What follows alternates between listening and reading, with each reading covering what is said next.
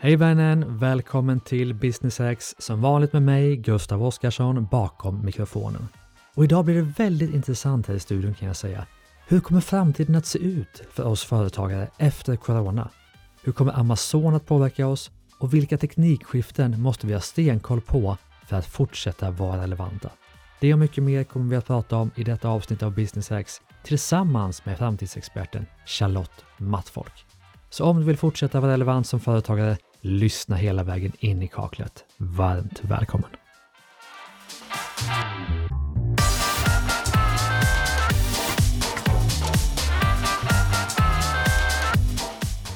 Hej och välkommen till podden Business X, Charlotte Mattfolk. Tack så mycket, jättekul att vara här. Ja, men verkligen, vad kul att, att ha dig här. Vi sitter på Clarion Sign i Stockholm idag och vi ska snacka om hur framtiden kommer att se ut efter corona och framför allt att snacka om hur framtiden för oss som driver mindre bolag kommer att se ut. Och det är du expert på, eller Mm. hur? Ja, det här har jag jobbat jättemycket med. Ja, Eh, och vi har också intervjuat 50 experter som har hjälpt mig att ta reda på hur framtiden ska se ut i det här. just det. Och ni har kommit med en rapport eh, nyss om det här hur framtiden kommer att se ut efter corona. Skulle du bara vilja berätta lite om den rapporten för oss? Mm. Ehm, det, är, alltså det handlar ju om att försöka förstå vilka trender är det som kommer att accelerera nu i den här tiden och vilka osäkerheter har vi. Eh, och eh, några av de viktigaste osäkerheterna, den första är väldigt uppenbar för den handlar om, kommer det här gå snabbt eller långsamt? Mm. Det tror jag ganska många har funderat över. Mm. Eh, och sen finns det en annan osäkerhet som handlar om hur kommer vi få tillgång till samhället? Är det genom att vi hittar vaccin eller är det genom att vi delar data om var vi faktiskt befinner oss någonstans, om vi är sjuka och feber och om vi liksom, så, så att vi kan veta om vi har det här eller inte. Mm. Eh, så att de två axlarna har gjort en grund då för fyra scenarier. Mm. Eh, och eh, den här axeln då som handlar om data, då beskriver vi den i termer av, är det min, kommer jag värna om min personliga integritet Mm. väldigt mycket och känna att nej men jag vill inte att du ska veta för mycket om mig. Utan jag vill behålla det för mig själv, eh, min hälsodata då i det här fallet pratar Ja. om. Eh, eller kommer vi dela med oss för att vi ser att i samhället, vi skapar en säkerhet i samhället av att vi faktiskt delar mycket data. Mm. Eh, och jag såg att nu i iPhone finns det till och med en liten funktion där du kan klicka i eh, om du vill få reda på om du har varit i områden som sprider smitta. Jaha, Så det spännande. här är ganska intressant, eller hur? Så där har vi en första viktig fråga då, det vill säga ska vi dela med oss av data för att hjälpa landet eller ska vi hålla på datan för att hjälpa oss själva? Ja, Lite så. ja precis. Exakt. Mm. Ja. Och berätta lite om de här olika scenarierna då som vi kan se framför oss i en framtid efter corona. Mm. Det första scenariot heter närhetsekonomier. Mm. Och då har vi den här personliga integriteten som styr oss eh, och det går ganska långsamt tillbakagång då till samhället och där vi faktiskt ser att, det pratade man om ganska mycket i början på corona, att Mm. eh, nu är det slut på globaliseringen och kanske till och med kapitalismen, kommer vi se annorlunda på den. Men inte minst då den här närheten till vilka vi köper och säljer med. Mm. Att den blir ganska viktig och för småföretagare så är det här intressant i hur man har flyttat in i Facebook till exempel. Många som har haft små butiker och sålt Mm. produkter och tjänster och så. Att Facebook har ju fått en jätterush Mm. på sina liksom, försäljningskanaler för småföretagare. Ja. Så att där, det, och det är ett typiskt exempel på de här små närhetsekonomierna. Mm. Och att människor värderar och köpa av de som är nära. Mm. Som jag känner dig, så vill jag köpa av dig. Men har det att inte jag alltid varit så? Främja dig. Ja. Nej, men jag tror att vi har varit ganska så här, prisorienterade och Ja. billigt och kan jag få den där t-shirten billigare på något, liksom på, någon, på något annat ställe, på Mm. H&M så kanske jag väljer det snarare än den här lokala Mm. butiken eh, eller, eller producenten för att jag, ja, men jag vill inte betala mer än nödvändigt. Mm. Så där tror jag att det finns en, en, en stor skillnad faktiskt. Och där ser ni ett scenario där den här närhetsekonomin kommer att öka ännu mer då efter corona. Ja, där vi tror på den. Jag tror, vi tror att det kommer att finnas en typ av vad ska säga, människor med de värderingarna som mycket mer aktivt kommer att tänka att det är så jag vill handla saker. Mm. Har du Eh. något inspel då för eh, Amazon kommer ju till Sverige som det Mm. verkar, vi vet inte exakt när. Eh, och då kan jag tänka mig att, att kopplat till den här närhetsekonomin då som du nämnde, kommer då svenskarna att vilja handla på Amazon eller kommer man hellre att vilja handla från de svenska e-handlarna? Inte de här, inte i det här scenariot. Vi har Nej. tre andra scenarier Ja. där, Amazon, där Amazon har potential. Ja, okej. Men det här är dåligt för Amazon. Det är dåligt det kan man för säga. Amazon. Ja, det är det. Okej, Så vi tror alltså det här är ju rimligtvis då med närhetsekonomin en fördel för de svenska företag som är lokala, Mm. men en nackdel för de svenska småföretag som exporterar. Ja, så är det. Så Sen kan man säga att de som, vad ska jag säga, det, det handlar ju också om att för egentligen alla företag måste förbereda sig för den här typen av scenario. Mm. Och då kan det vara genom att man till exempel ser över sin, ja, men sin värdekedja, var köper jag saker ifrån? Mm. Eh, och hur kan jag se till så att jag har större kontroll över det eller att jag kanske inte alltid bara tänker pris utan att jag har, jag har medvetenhet. Mm. Det finns ju vissa hållbarhetsaspekter här också som också blir viktiga. Det här är en medveten konsument. Just det, så Eh. närheten, medvetenheten, hållbarheten, den kommer Mm. att öka ännu mer i spåren av corona. Ja. Det är scenariot. Ja, precis. Mm. Det är jättetydligt här. Ja, intressant. Är vi på väg in på andra scenariot? nu? Mm, ja. Precis, nu kan vi hoppa över till, det här var personlig integriteten som styrde oss. Ja. Om vi tänker istället att nej men det är säkerheten i samhället som blir viktigare för mig. Mm. Och varför, då måste man ju fråga sig det, varför har jag gått med på det med hela den här TikTok-debatten Ja. vi sitter i? Ja. för det är väl nu som man tittar på den här eh, The Social Dilemma på Netflix och Mm. så bestämmer man sig för att, att ta bort eh, Facebook och Ja. Insta och Mm. Snapchat och allt vad man har. Ja. Ehm, vissa gör det, de fle- allra flesta gör ju faktiskt inte det, även Mm. om man blir lite uppskrämd av Mm. det här med att dela data. Mm. Eh, så att, Och ska vi börja där? Vad är Ja. faran i att dela data? ja, alltså det, jag tror att det är väldigt många som faktiskt, alltså faran är osäkerheten Mm. i hur det här kan användas. Inte att man vet exakt hur det här ska missbrukas, Mm. utan att man hypotetiskt liksom tänker att på något sätt så skulle någon kunna missbruka min data genom att jag, alltså dels det vi har sett så här, att jag råkar välja fel president eller Mm. politiker Ja, eh, till makten. ja, Eh, eller att jag köper saker som jag inte vill ha egentligen. Mm. Eller kanske ännu mer att mina barn eh, exponeras för en massa marknadsföring som tidigare var förbjudet. Men Mm. nu ser de det hela tiden och vill ha massa grejer. Och, mm. Eller att jag börjar tro på saker som är felaktiga. Alltså, just det. jag tror att det finns en lite så allmän oro Mm.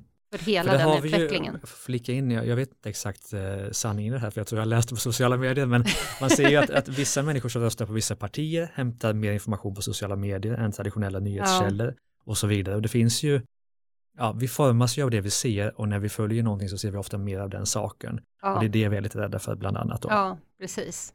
Och sen tror jag också om man nu verkligen drar ut det lite i framtiden så kan man säga att TikTok samlar ju en massa da- videodata och där får du både tillgång till människors hem Ja. och filmar faktiskt där hemma. Mm. Eh, du får också tillgång till alltså ansiktsigenkänningsdata. Eh, som man ju såklart kan fundera över, hur skulle man kunna använda den? Och det finns både väldigt bra sätt att göra det och såklart Mm. några ganska dåliga sätt. Mm. Jag vet inte om detta heller är sant, men det jag hörde på ett evenemang var att i Kina så har man koll på egentligen alla invånarna Ja, via ansiktsigenkänning och kan hitta alla på mm, väldigt kort tid. precis. Är det sant? Jag vet inte. Ja, alltså jag har ju, jag har ju djupdykt i Kina ganska Ja. mycket också. Jag har äh, vänner runt omkring som är ännu mycket duktigare än vad jag är. Men, men det jag vet i alla fall, jag har ju varit där också just för att ta reda på mer om Kina. Mm. Så, så, så stämmer ju det, att man har en väldigt god koll på människor genom ansiktsigenkänning. Mm. Och det skapar ju en trygghet samtidigt. Och det, det är det här som jag tycker är intressant i den här typen av scenario.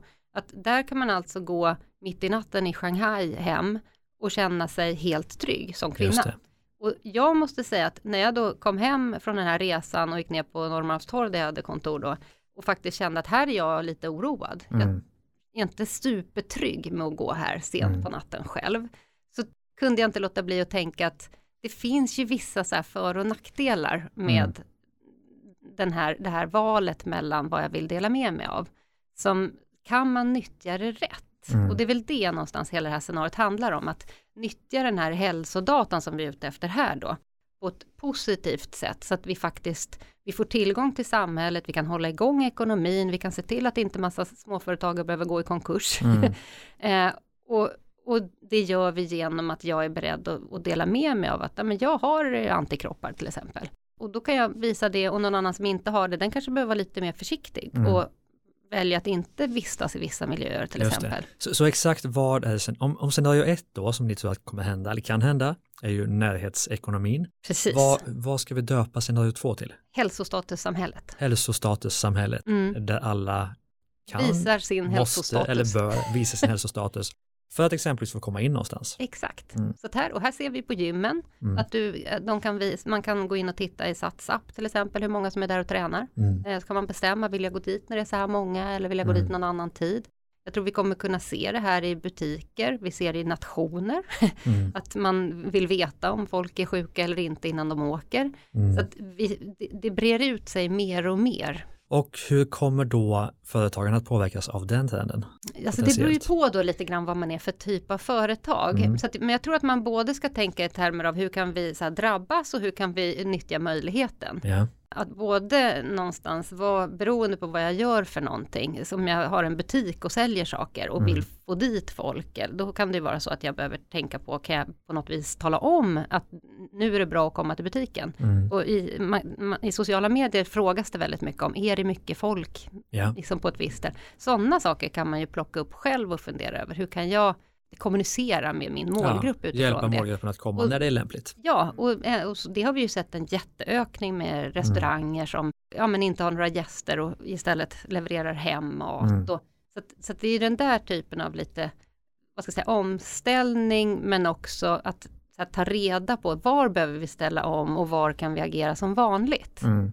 För någonstans så är det ju bättre om man kan behålla båda så att man inte hamnar i att man måste helt flytta över till Mm. nya sätt. Just det. Så scenario ett, för att Ja. reflektera, är ju närhetsekonomin. Ja. Scenario två är ju, eh, vad kallar vi det? Hälsostatussamhället. Hälsostatussamhället. Ska vi gå in på nästa? Ja, Tredje potentiella scenariot, ska Ja. vi säga. Och här är vi nere lite grann på det här med Kina, nu nere i mitt huvud, det är för att det är ett, två övre och så Ja. tredje där nere till, till höger då. Ja. Och här har vi fortfarande kvar i det här med säkerhet i samhället, att vi värderar det. Eh, Men här har vi en snabb återhämtning. Mm. Man kan säga att det här scenariot handlar lite mer om liksom, tangentens riktning från vad vi var innan corona. Mm. Inte, vi tror definitivt att vi har ett nytt samhälle efter corona, Mm. att det är saker som förändras. Men det är lite mer likt. Mm. Och det här kallas då för behovsmonopol. Och varför jag kallat det för det, det är med inspiration faktiskt från Kina och kinesiska spelare som Mm. tänker väldigt mycket eh, share of time, alltså hur mycket tid, om, kan jag få all din tid, det är mitt optimala läge. Mm. Jag vill att du hela tiden ska vara liksom, i mina sociala medier, i, eh, vad ska jag säga, i mina butiker och köpa saker. Och det, alltså, jag tänker Alibaba, den typen av spelare. Mm. Eh, amerikanska bolagen tittar ju på Kina och försöker göra det här. Mm. Eh, alltså Amazon, Facebook, Google, alla de försöker ta också tid och det är någonting som, som de mer och mer inspireras av och bygger sin affär kring. Mm. Men de kinesiska, de gör det. För de Mm. har allt, du kan betala, köpa, umgås med familjen, allting i samma ekosystem. Ja. Och det är det här behovsmonopolen då, du möter alla kundbehov. Mm. Eh, och det som är spännande här om man tänker rent som företagsstrategi så säger de, ja men varför göra som ni i väst? Ni, ni, ni blir så sårbara, ni säljer liksom bara en grej eller Mm. ni fokuserar på kärnaffären. Och det blir ju sårbart i svåra tider. Mm. Och det har vi ju sett nu i coronat. Eh, detaljhandeln, matvaruhandeln Mm. eh, då har gått väldigt bra. Medan andra delar av detaljhandeln har, har haft en katastrof. Men då om du hade ägt hela kedjan då från alltså eh, matproducent till eh, delivery till alltså logistik till ICA-butiken till utkörning till alltihop så är du mindre sårbar då för du Exakt. går något upp så går någonting ner. betalningsmotorn, all, alltså kan du då sitta på alla de här delarna så är det klart att Mm. då, då har du en helt, då kan du egentligen bara ställa om i systemet. Mm. Så det är mycket snabbare att ställa om. Just det. Och det här tror ni är ett scenario som kommer öka då, att de stora blir ännu större? Ja, här blir de det. Ja. Och här, det såg vi också, ganska intressant, för redan i våras då så skrev vi om det här att eh, nu kommer kinesiska spelarna att komma till väst och försöka köpa upp bolag. Mm. Eh, för de kommer se en möjlighet i att det går lite knackigt här. Vi har, vi har svårare att ställa om i Mm. kristider. Ja. Eh, och de var lite före på gott och ont. Mm. och de har mycket kapital. Eh, så det här är världens köpläge. Eh, så det såg vi också väldigt tydligt att det leder såklart till att man kommer också i väst fundera över vad vill vi egentligen sälja österut? Mm. Alltså ska vi reglera på något sätt så att inte det ens kan hända? Ja. För det är klart att de blir gigantiska. De är redan gigantiska och de blir ännu större. Gör det här dig orolig? Ja, det här scenariot tycker jag är jag, jag, tror som i många andra tider att när, när stora bolag blir för stora, när de yeah. blir gigantiska monopol med större ekonomier än vad en nation eller vissa nationer har, mm. då, då, är de, då måste man faktiskt in och börja reglera. Mm. Och det Görs gör det alls att, idag? Eh, ja men den här diskussionen är ganska eh, ja. intensiv. Mm. Eh, sen vet jag inte om den ligger på rätt människors bord och om man kommer att göra den här, vad ska jag säga, om man kommer fatta beslut i rätt mm. riktning. Mm.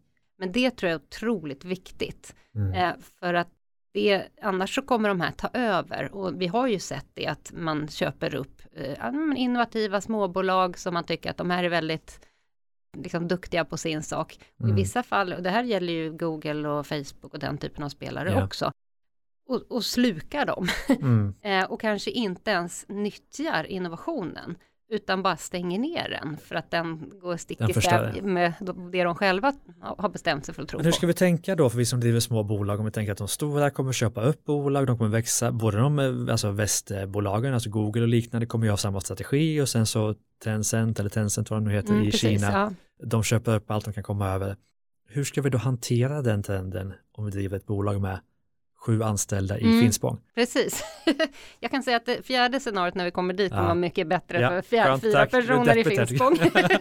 och, och närhetsekonomierna är också ganska bra. Ja. Så att jag ska säga att de här två, eh, hälsostatussamhället och det här behovsmonopol, de är lite tuffare för småbolag. Mm. Mm. Eh, och här skulle jag ju säga det, att nej, men här, det, fortfarande så handlar det ju om att man såklart kan starta upp ett mindre bolag och bli framgångsrik i en liksom lite mindre affär. Mm. Men jag tror att man kanske måste tänka mer i termer av att bygga nätverk och samarbeten med andra parter och, så att man, blir, man får lite mer muskler. Mm. Man blir lite och en större. Del i kedja. Mm. Och mer, exakt, mer en del i en större kedja. Yeah. Så att man inte blir för sårbar med en enda Mm. produkt eller Just tjänst det. mot marknaden. Och de flesta, om man ska vara krass, man satsar alla sina pengar, man pantsätter sitt hus för att mm. lyckas med en liten grej. För mm. man har hört att nischa, nischa, nischa, mm. har vi mm. hört i många år. Ja. Outsource allt och utvärdera själv ja. och liksom bli expert på en sak, både om du gör karriär eller om du startar bolag. Mm. Och här kommer det då en trend som vi måste tänka på som inte är vad vi har lärt oss innan. Nej, precis. Och det, man ska ju säga så här att det finns ju fortfarande också en potential i det här scenariot att man helt enkelt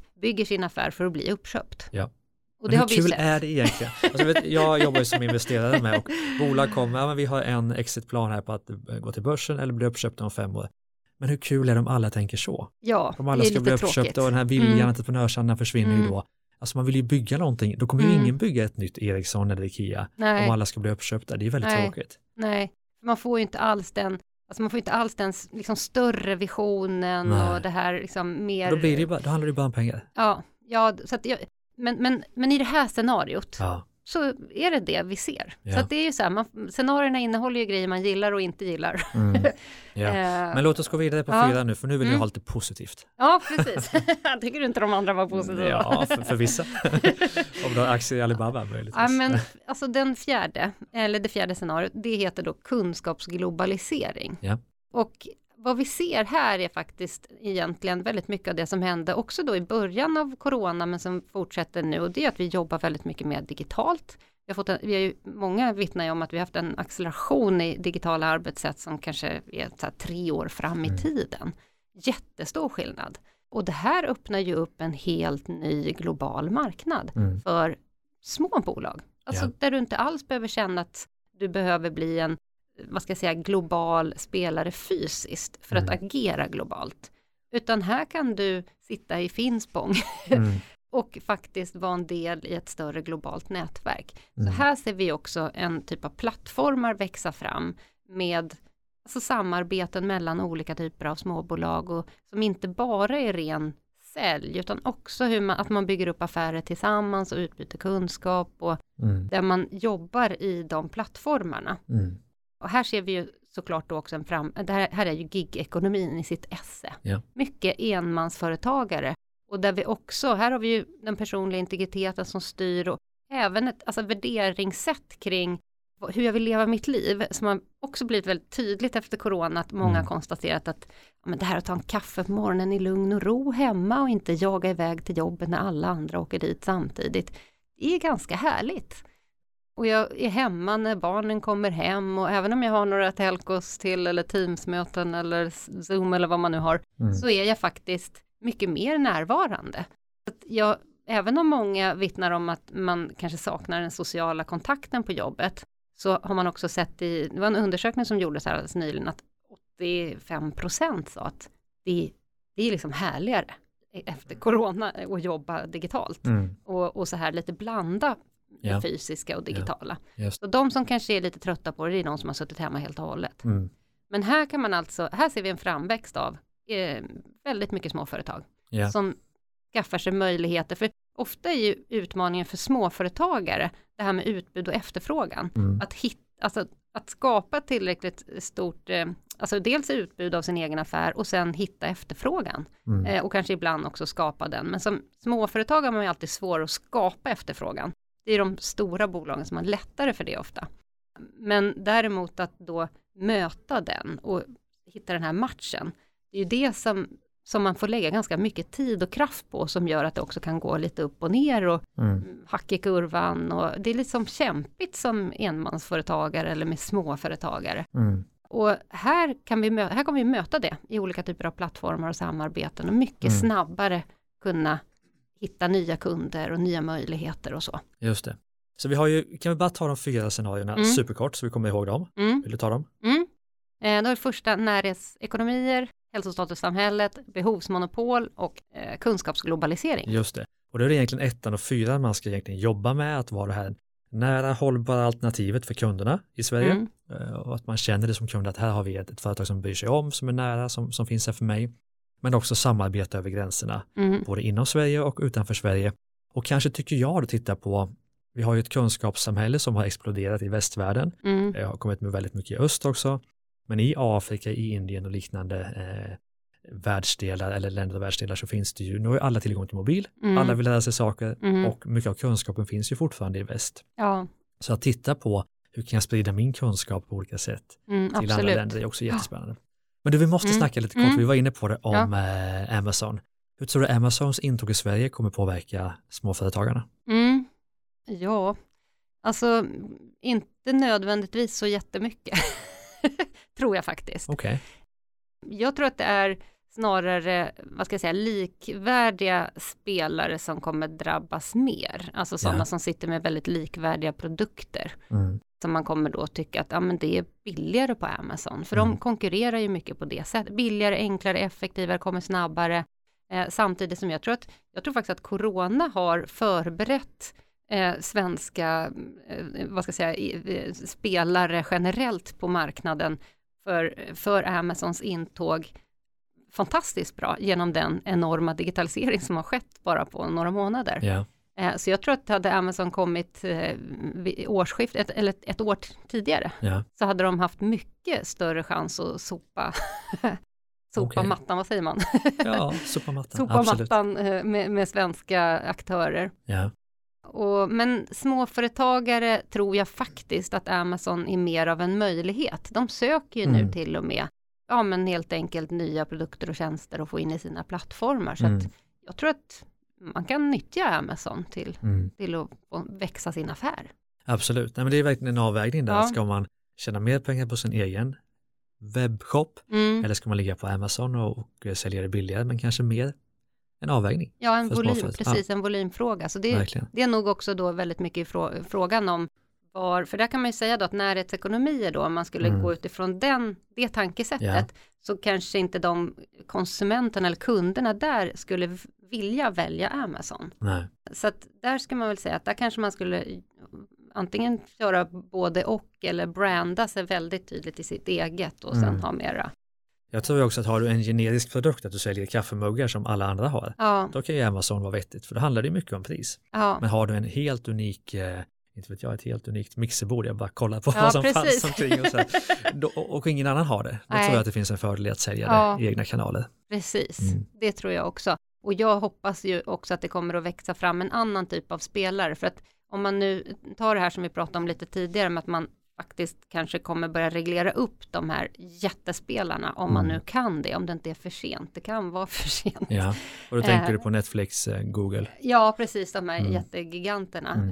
Eh, och då i det här fallet Amazon också. Mm. Att någonstans så är det ju då en fråga om att, och så har det ju ändå varit i historien att företag går upp och ner. Alltså de, Mm. De lever inte för alltid. Mm. Utan, och det beror faktiskt ofta på att man kommer till ett läge när man börjar reglera upp och man vill ha en viss konkurrens och man vill, för de Ja. har ju kunnat så här, definiera sin affär på ett sätt så att man inte har förstått hur, att de konkurrerar över branscher på nya sätt. Mm. Så att de har kunnat bli mycket större än vad vi skulle ha låtit ett annat bolag bli som vi har större förståelse. Det är mycket Mm. lättare att förstå vad, hur tjänar Volvo pengar? Mm. Hur, vilken bransch är de i? Jag Ja. tror de flesta skulle kunna svara på det direkt. Mm. Men jag tror att det är fler som skulle ha lite svårare att svara på, och nu gör det lite svårt att säga vad Alibaba är för bransch, men jag tror även eh, Google tror jag är svårt för många så här, ja men är det sökmotorbranschen, eller vad är Mm. det egentligen? Och, och det är det ju inte när de definierar sin bransch, utan de är datakom. Mm. Och det är ju jättegrej, Ja, så de är ju bara någon procent av datakombranschen, Mm. om man får ha en sån.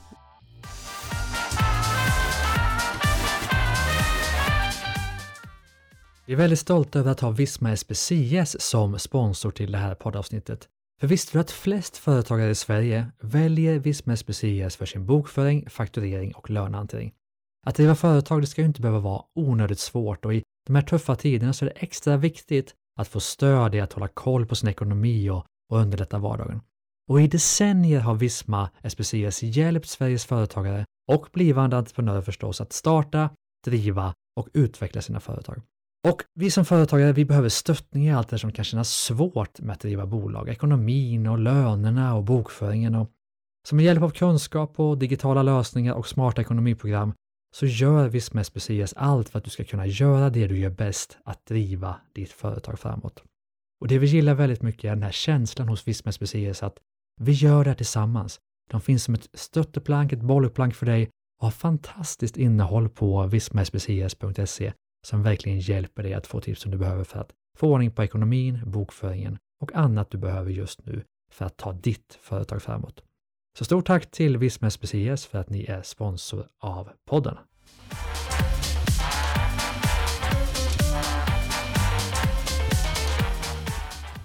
Men du, nu ger du, du ger Ja. mig en ingång här på Ja. när du säger data, så kommer jag till nästa fråga. Ja. Alltså, vilka teknikskiften ser du, om vi tar två, tre års sikt, vad är det som kommer slå nu? Vilka teknikskiften kommer påverka små företag Mm. i Sverige? Jag tror ju mycket det här med digitaliserade arbetssätt Mm. och då är det ju egentligen ganska enkelt, det är inte så himla liksom, avancerat utan det är just att vi gör saker mer digitalt och Mm. jag tänker för många småföretagare så tror jag lite beroende på vilken bransch man är men är man, jobbar man och ska sälja till andra företag till exempel då har ju en, ett jätteproblem här nu i corona varit att kan jag inte träffa mina kunder, jag måste ju träffa mina Mm. företagskunder för att kunna sälja till dem. Det, så brukar det gå till. Ja. För där har man ju legat efter ganska mycket i digitaliseringen, att det är Mm. ändå så man säljer. Mm. Och det själv i mitt bolag så har ju det varit den stora frågan, så hur ska vi göra nu då när vi inte kan ses? Mm. Och, och där har man kanske inte kunnat sälja riktigt på samma sätt under de här första månaderna, medan nu börjar vi ju inse att jo men varför inte? Vi tar, Mm. Man börjar ta säljmöten på det sättet och andra typer av möten. Att, att vi helt enkelt löser det så. Så digitala arbetssätt kommer Ja. slå igenom ännu mer. Mm. Och det är inget teknikskifte egentligen, för det är en Nej. teknik som finns, men vi kommer börja använda Det är ett den ordentligt. beteendeskifte. Beteendeskifte. Mm. Vilka teknikskiften Mm. ser du? Kommer AI börja slå Mm. ordentligt även för mindre bolag? Mm. Ja, Till det exempel. tror jag ju. För att jag tror att när vi pratar om de här plattformarna där man kan vara småföretagare i och hitta kunder Mm. i dem, så tror jag att det kommer helt enkelt vara AI-styrt. Mm. Att det den, den här plattformen kan matcha ett eh, uppdrag eller en, eh, ja i mitt fall, nu pratar jag om det för att vi, jag driver ju själv ett bolag som jobbar just med att skapa en plattform för giggare Mm. och då är det inom konsultbranschen. IMI heter det, Jag vet ju det såklart, IMAI. Lyssnarna vet inte det. Nej, precis. Och eh, hela idén här handlar just om att vi använder AI-algoritmer för att matcha den efterfrågan som finns med det utbud som finns. Mm. Och att man också hela tiden då kan bli smartare, att du till och med kan tala om för en småföretagare att här finns det en massa efterfrågan. Mm. Skulle du kunna producera eller göra eller tänka någonting Mm. som möter den efterfrågan som finns? Att du kan till och med bli tipsad om hur du ska affärsutveckla. Och jag menar, då, då finns det ju en AI i den motorn Mm. som man kanske är i som småföretagare men jag upplever att jag, jag själv och många andra som driver mindre bolag Mm, vi tänker AI låter ju coolt, det kommer komma, man förstår Mm. det mm. men jag kan ju ingenting om det, Nej. tänker de flesta. hur, ska jag, hur ska jag använda AI? Ja, men jag tycker, att, jag tycker att AI är någonting som alla ska sätta sig in i, Ja. för det är inte så himla svårt. Nej, men läs till exempel Max Tegmark. Ja, Eh, precis. Alltså, Ja, den typen och av den, böcker. och den är ju ändå svår då. Ja, den är ju jobb, och, och jobbig. den, den är lite tung faktiskt, men det finns ju bättre. Men alltså, det kan vara värt ändå att lägga några timmar på att se eh, klipp eller Ja, sätta det in i vad det är, alltså även blockchain såklart. ja, för att det är inte så komplicerat, för när man väl, och jag tycker egentligen att det som, en väldigt så här ögonöppnare, det är ju i hur Netflix använder AI. Eh, för att då kan man ju ganska, när man börjar inse så här att vänta nu, ne, ja, vilka filmer får jag upp? Eh, Och så kan man titta på om man har någon partner eller barn eller så, så kan man se, får de, vad får de upp? Mm. och då ser man ju väldigt tydligt att det är klart att den här förstår vad jag tittar på Mm. för att den, lä- och sen lägger den upp det som den tror att jag också kommer att gilla och Mm. man ser ju det i den här 98% matchning eller Ja. 56% matchning, då inser man att det här inte Men som småföretagare kan jag, liksom, Ja. om jag inte kan utveckla den typen av verktyg själv, kan jag köpa mig in i dem på något Ja. sätt? Alltså det är precis det Ja. som, som är nu nästa snitt. För det finns, det finns redan väldigt mycket AI igång som vi använder varje dag utan att ja. tänka på det.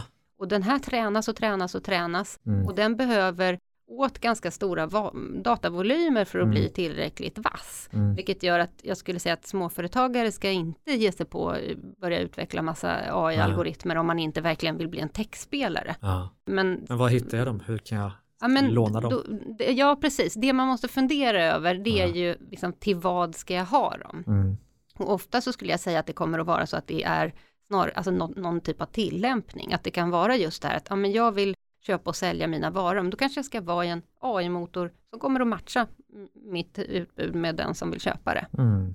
Till Då- exempel då- Amazon. Ja, såklart. precis. Så, ja, exakt, så att, att nyttja AI är ju, ja men det kan man ju göra då Nyttja med Amazon. plattformar som har AI, ja precis. Till exempel. Det kan också vara Ja. om du är frilansare att ligga på freelancer.com och liknande tjänster som säkert matchar på samma sätt, Exakt. gissar jag. Så kan det vara och sen så kan det ju vara, jag menar nu växer det ju fram mycket det här med alltså med hela transportbranschen som börjar ha massa sensorer på bilar och samla Ja. in data på ett sätt som man Mm. inte Alltså vem vet om man är en liten budfirma Mm. så kan man ju ha något system där man på ett helt annat sätt kan förutse trafiken Mm. eller så, så att kanske kan man också sälja sätt. sin ja. egen data, säg att du är en budfirma då. Ja. Du kanske kan erbjuda dig att men vi kör ju i Stockholm hela dagarna, Mm. vill ni ha våran data kanske man kan sälja Ja, den precis. potentiellt, vad Ja. vet jag. Precis. Men du, vi ska inte fastna Mm. för länge på varje. Vi Mm. har ju AI Mm. och sen så har vi ju digitala arbetssätt som du var inne på. Det har snackats mycket om blockchain i många Mm. år, det har snackats mycket om nanoteknik i många år. Mm. Vi ska inte gå in på detaljerna på dem för då har vi ett program till. Mm. Men är det någon liksom digital teknisk trend förutom det, Mm. eller generell trend också i samhället Mm. som vi måste förstå utöver Mm. de jag har nämnt nu?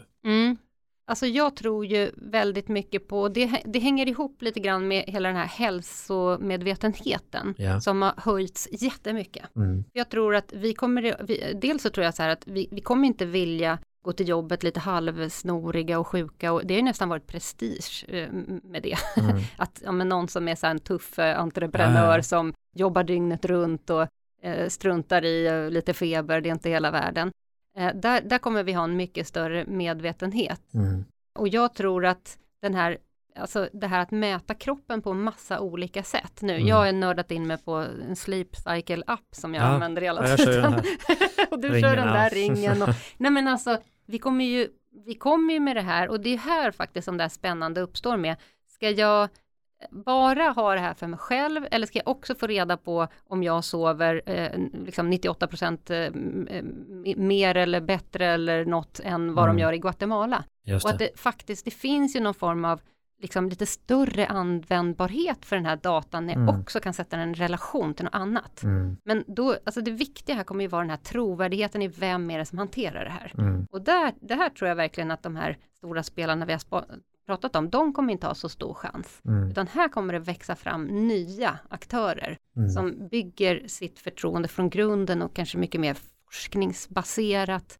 Men där vi kommer ha mycket mer koll på våran kropp. Vi kommer ha Alltså de här, det här som Elon Musk håller på med nu med, där man kan fånga upp tanken innan Mm. den är sagd och Ja. så att det sägs. Så man glömmer att säga det. Ja. Ja, och det här blir folk jätteskraja när de Ja. hör, men hela grejen är att det är, det är precis i centrat innan du säger det.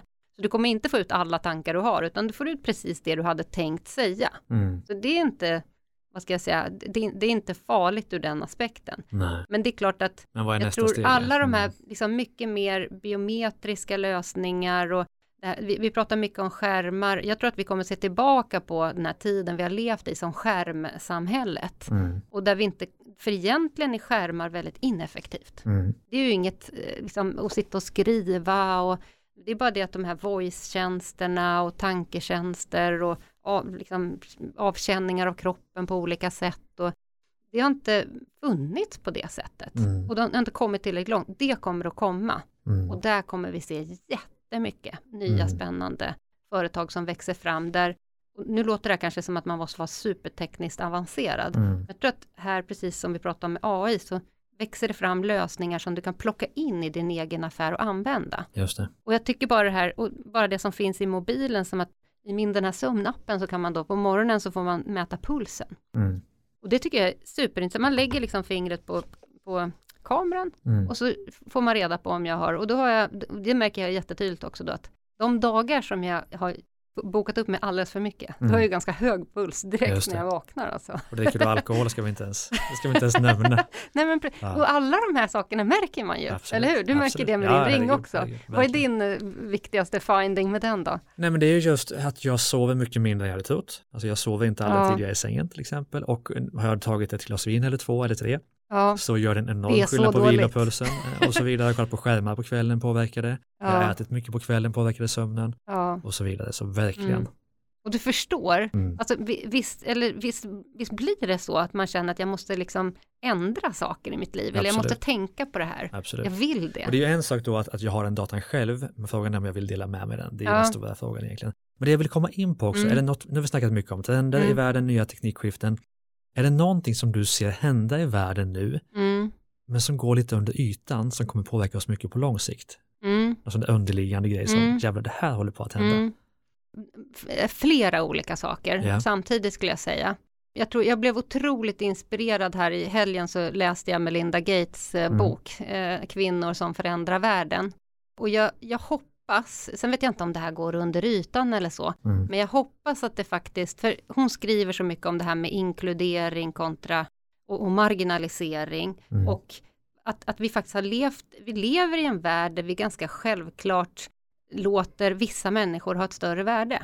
Mm. Att man får, nu kan man ju säga så här, och det med all rätt, hon skriver om det i boken också, att Hans Rosling hade sagt till henne att eh, vad ska en miljardär, en amerikansk miljardär eh, eh, som ska hjälpa fattiga människor i Afrika, det kommer ju bara bli pannkaka. Mm. Eh, men, så att, och det tar hon upp väldigt tidigt i boken och så beskriver hon att de verkligen har försökt att sätta sig in i vad händer i Afrika och Mm. vilka är det egentligen som behöver hjälp och lyssnat hela vägen och inte bara till de här männen som kommer på mötena Mm. utan även alla de här, eh, för var, då var det en afrikansk kvinna som hade sagt det, men vet ni vilka det är som gör jordbruksarbetet? N- Åk ut och titta på landsbygden så kommer ni att få se. Mm. Och då insåg de, ja men det är ju alla kvinnorna som är ute här på fälten och Mm. jobbar. Eh, det är dem vi måste lyssna på. Så det här med att, och, alltså dels det här med att gå till botten med vad är egent, vem är det egentligen som sitter på informationen och förstå ett problem och sen lösa det. Mm. Det här tror jag är, jag, vi har levt i ett samhälle där det ska gå väldigt fort och vi ska liksom ha quick fixes, low Mm. hanging fruits. Det är, väldigt mycket fokus på kortsiktighet. Ja.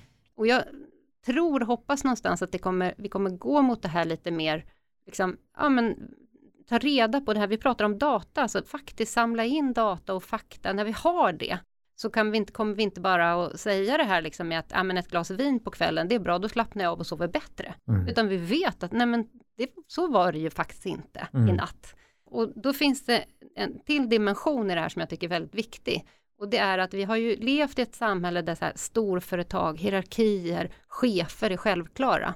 Och där jag tror att, som många småföretagare tror jag känner igen, att man är inte så himla, eh, ma- man ska starta ett bolag och driver det ofta för man vill bestämma själv. Mm. För att jag vill ha större inflytande över mitt liv och jag har en idé som jag mår bra av att förverkliga och jobba med. Och det är roligare än att jobba för någon annan som talar om för mig vad, jag ska göra. Mm. Och egentligen tror jag då att hela den här idén om att man ska börja jobba på storbolag och ha någon som kommer och talar om för en vad man ska göra och ha det som sitt jobb. Mm. Det kommer försvinna. Ja, alltså jag tror att det är många, många, många fler människor framöver som kommer välja bort det. Mm. Jag tror att den här inre motivationen som en småföretagare kan, tror jag Mm. faktiskt ofta ha lite mer av. Mm. Och det är spännande, Den det talar ju emot ja. lite att de stora företagen ska växa ännu mycket mer, Ja, men ingen vill jobba där. Och det kommer också innebära att allt digitaliseras ännu mer där.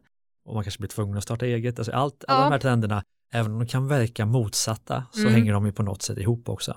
de gör det. Mm. Och det kanske till och med är så att drivkraft, alltså att, att anledningen till att eh, de här storbolagen inte kommer att växa sig så mycket större kanske skulle kunna vara att mera småföretagare kan få växa fram och att det är det Mm. man väljer, att det blir en livsstil Ja. som man faktiskt uppskattar mer. För det har vi ju sett här nu i coronatider att eh, det är inte så att man sitter säkert på Mm. ett storbolag. Mm. Jag tror att det ändå är många har ju valt storbolag för anställningstryggheten Mm. och den finansiella, Mm. ekonomiska tryggheten. Om inte den visar sig finnas, Mm. Då kommer också drivkraften till att hitta andra sätt att försörja sig på, Ja. som kanske faktiskt i förlängning kan bli tryggare. Mm. Så att, jag tror att kan vi lösa det här som småföretagare har som största dilemma ofta, att Mm. hitta tillräckligt mycket kunder och för att känna sig trygg med att jag har en affär som Mm. rullar på, som jag kan försörja mig på. Mm. Eh, för där tycker jag också är någonting som har varit väldigt tokigt i de här tiderna, som jag verkligen har gått och tänkt på. Det är dels att, att vi tycker att det är självklart att ungdomar ska kunna klara den här situationen. Att, alltså de, många ungdomar har blivit av med jobbet i de här tiderna. Eh, och många småföretagare som inte har så stora marginaler Mm. har vi offrat. Mm. För vi tycker att ah, ja, men de var ändå nära konkurs. Mm. Fast så tycker jag kanske inte riktigt att man kan se det. Det kanske är några av de här som verkligen slarvar med sina affärer och behöver få gå i konkurs en Mm. gång för alla och borde ta ett annat jobb. Men annars så kan jag tycka att varför då? Det är väl ändå, alltså kan du klara dig runt om än det är med ganska små marginaler så är det ju snarare kanske ditt eget livsval Mm. och det måste ju vara okej. Ja, Det ja. måste och vi kunna bättre- supportera bättre för lika mycket. Också, Ja, varför är det bättre med någon som har maximerat vinster Ja. jättelänge? Varför ska de få en fördel? Nej. Här tror jag liksom, det här tycker jag är en viktig fråga som inte Mm. har kommit upp. Intressant. Men du, jag måste förflytta mig här i, Ja. i frågorna så att vi hinner i mål. För vi, det finns ju mycket att snacka Ja. om. Men just för de som lyssnar då, som är i olika branscher, eh, naturligtvis, vilka branscher tror du kommer att försvinna, minska och vilka tror du kommer att tillkomma som inte finns idag? Mm. Oh, vilka frågor. Ja, Ja, tack så spännande. Ehm, ja, sådana som kommer att försvinna. Alltså jag vet inte riktigt om det är så tydligt att man kommer helt, jag tror, det är väl mer det här lite omvandla hur man jobbar, Mm. tror jag. Ja, det är klart att, eh, logistik, lastbilsföretag kommer ju finnas, men de kanske inte körs av människor till exempel. Nej, precis. Så, Mm. det, så det är nog eh, lite mer det. Hur Mm. kommer vi... Sen, sen tror ju jag, om man tänker liksom på en vad ska jag säga, st- stor omvandling, så tror jag att vi, vi kanske, jag tror ju när, när det här händer att vi faktiskt inte åker till jobbet lika mycket Mm. och när vi vi pratar ganska mycket i den här rapporten om att det är inte bara den här smittkurvan som vi ska få ner, utan det är alla typer av kurvor, alltså belastningskurvor i samhället. Att varför ska alla åka till jobbet samtidigt? Varför ska alla äta lunch samtidigt? Varför ska alla Mm. ät, eh, liksom, gå och handla samtidigt? Det har ju varit Mm. väldigt mycket så. Hela tiden försöker vi maximera upp för att möta Ja. de här pikarna.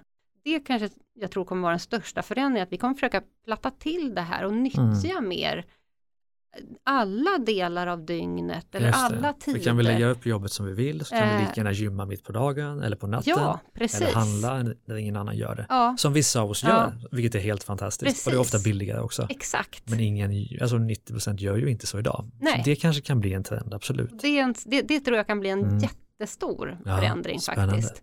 Eh, och som också är väldigt hållbar. För det som händer är ju faktiskt att vi, ja, men vi, vi nyttjar de resurser som finns. Mm. Eh, och då där i, och jag är ju lite så här mera tillväxtorienterad, så jag tänker ju oftast mer på, på det. Så jag tror egentligen så här så tror jag att de, det som kommer försvinna, det är de som inte förändrar sig tillräckligt snabbt Mm. oavsett bransch. Mm. Att, som inte går in i, liksom, som inte ser trender och nya sätt att göra saker på, Mm. utan som tänker så här att ja, men vi har alltid drivit hotell eller vi har alltid drivit eh, flygbolag eller Insikten är att du aldrig blir sätt. färdig. För du kommer Nej. aldrig bli färdig, det kommer aldrig vara ett scenario som står still. Nej, Det kommer gå, bara gå snabbare. Så att det handlar om att utveckla sig själv, lära sig nytt hela tiden, ja, vara med människor som vill framåt. ja, Och är du inte där, då kanske det är läge att sälja bolaget. ja, Eller? ja, Och lite Ja. så. ja, Men du, jag måste eh, gå vidare här känner jag nu. Eh, för jag ska snart vilja sammanfatta vårt samtal i någon form av trestegsmodell. mm. Men innan det, har vi missat någonting Mm. om framtiden som kan Mm. påverka småföretagare som vi inte haft uppe på bordet? Skulle det kunna vara som vi inte har pratat om? Eller har vi för första gången någonsin Eh, pratat om allt. fått med allt? Såklart finns det ju massor att säga om det. ja. Men jag tror, jag tror faktiskt att styrkan hos småföretagare mm. och det som kanske jag tycker är den viktigaste insikten i hela den här tiden, det är att eh, man kan förändras jättesnabbt Mm. om man vill och eh, om man dessutom behöver så, så Ja. går det ännu fortare. Mm. Och det här tror jag är en, för ibland, och många som startar bolag och så gör ju det kanske med väldigt stark eh, inspiration och engagemang och tycker det här skulle vara Mm. jättekul. Eh, Men sen tror jag att man lite så här låser sig vid, det, det händer både i stora och små bolag, Ja, vid, vad, vid hur man har gjort saker tidigare. exakt. Och det här är det starkaste vapnet man har oavsett vilket typ av företag man är i. Om man är en person som klarar av att ändra sitt mindset och faktiskt lyssna på vad som händer runt omkring, samla data, fakta kring liksom vad, hur ser det här ut egentligen Mm. och sen nyttja det till att sälja sin produkt eller tjänst Mm. utifrån det.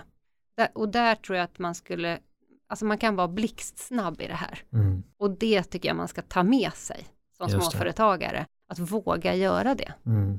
Men då förutom att, att hela tiden utvecklas och vara blixtsnabb, ändra Mm. sig snabbt när man märker att en trend förändras, vad, hur ska vi sammanfatta hela avsnittet? Vad ska jag som företagare ta med mig? Mm. Vilka blir mina verktyg du vill skicka med mig just Mm. nu? Ja, men jag, jag har tänkt lite på din här femstegsmodellen, Ja. så jag har fem? Kör steg. fem, kör fem. Och då tänker jag så här att första steget är ju det här med framtiden. Ja. Att leta efter trender och osäkerheter och förstå så här, hur kommer framtiden inom mitt område se ut? Eh, sen nästa steg skulle jag säga att utveckla en vision som faktiskt där, där jag kopplar ihop min affärsidé med framtiden, med en Mm. trend, med en utmaning i världen som jag vill vara med och lösa. Det här gäller verkligen småföretagare också. Det är inte bara för stora företag. Mm. Sen tredje steget, att samla data och fakta kring mina kunder och min marknad och att bli duktig på det och tänka på vad skulle jag kunna ta reda på mer och hur gör jag det här? För då kan man också vara mycket snabbare i en omställning. Så var väldigt så här, kunskapsgirig där. Mm.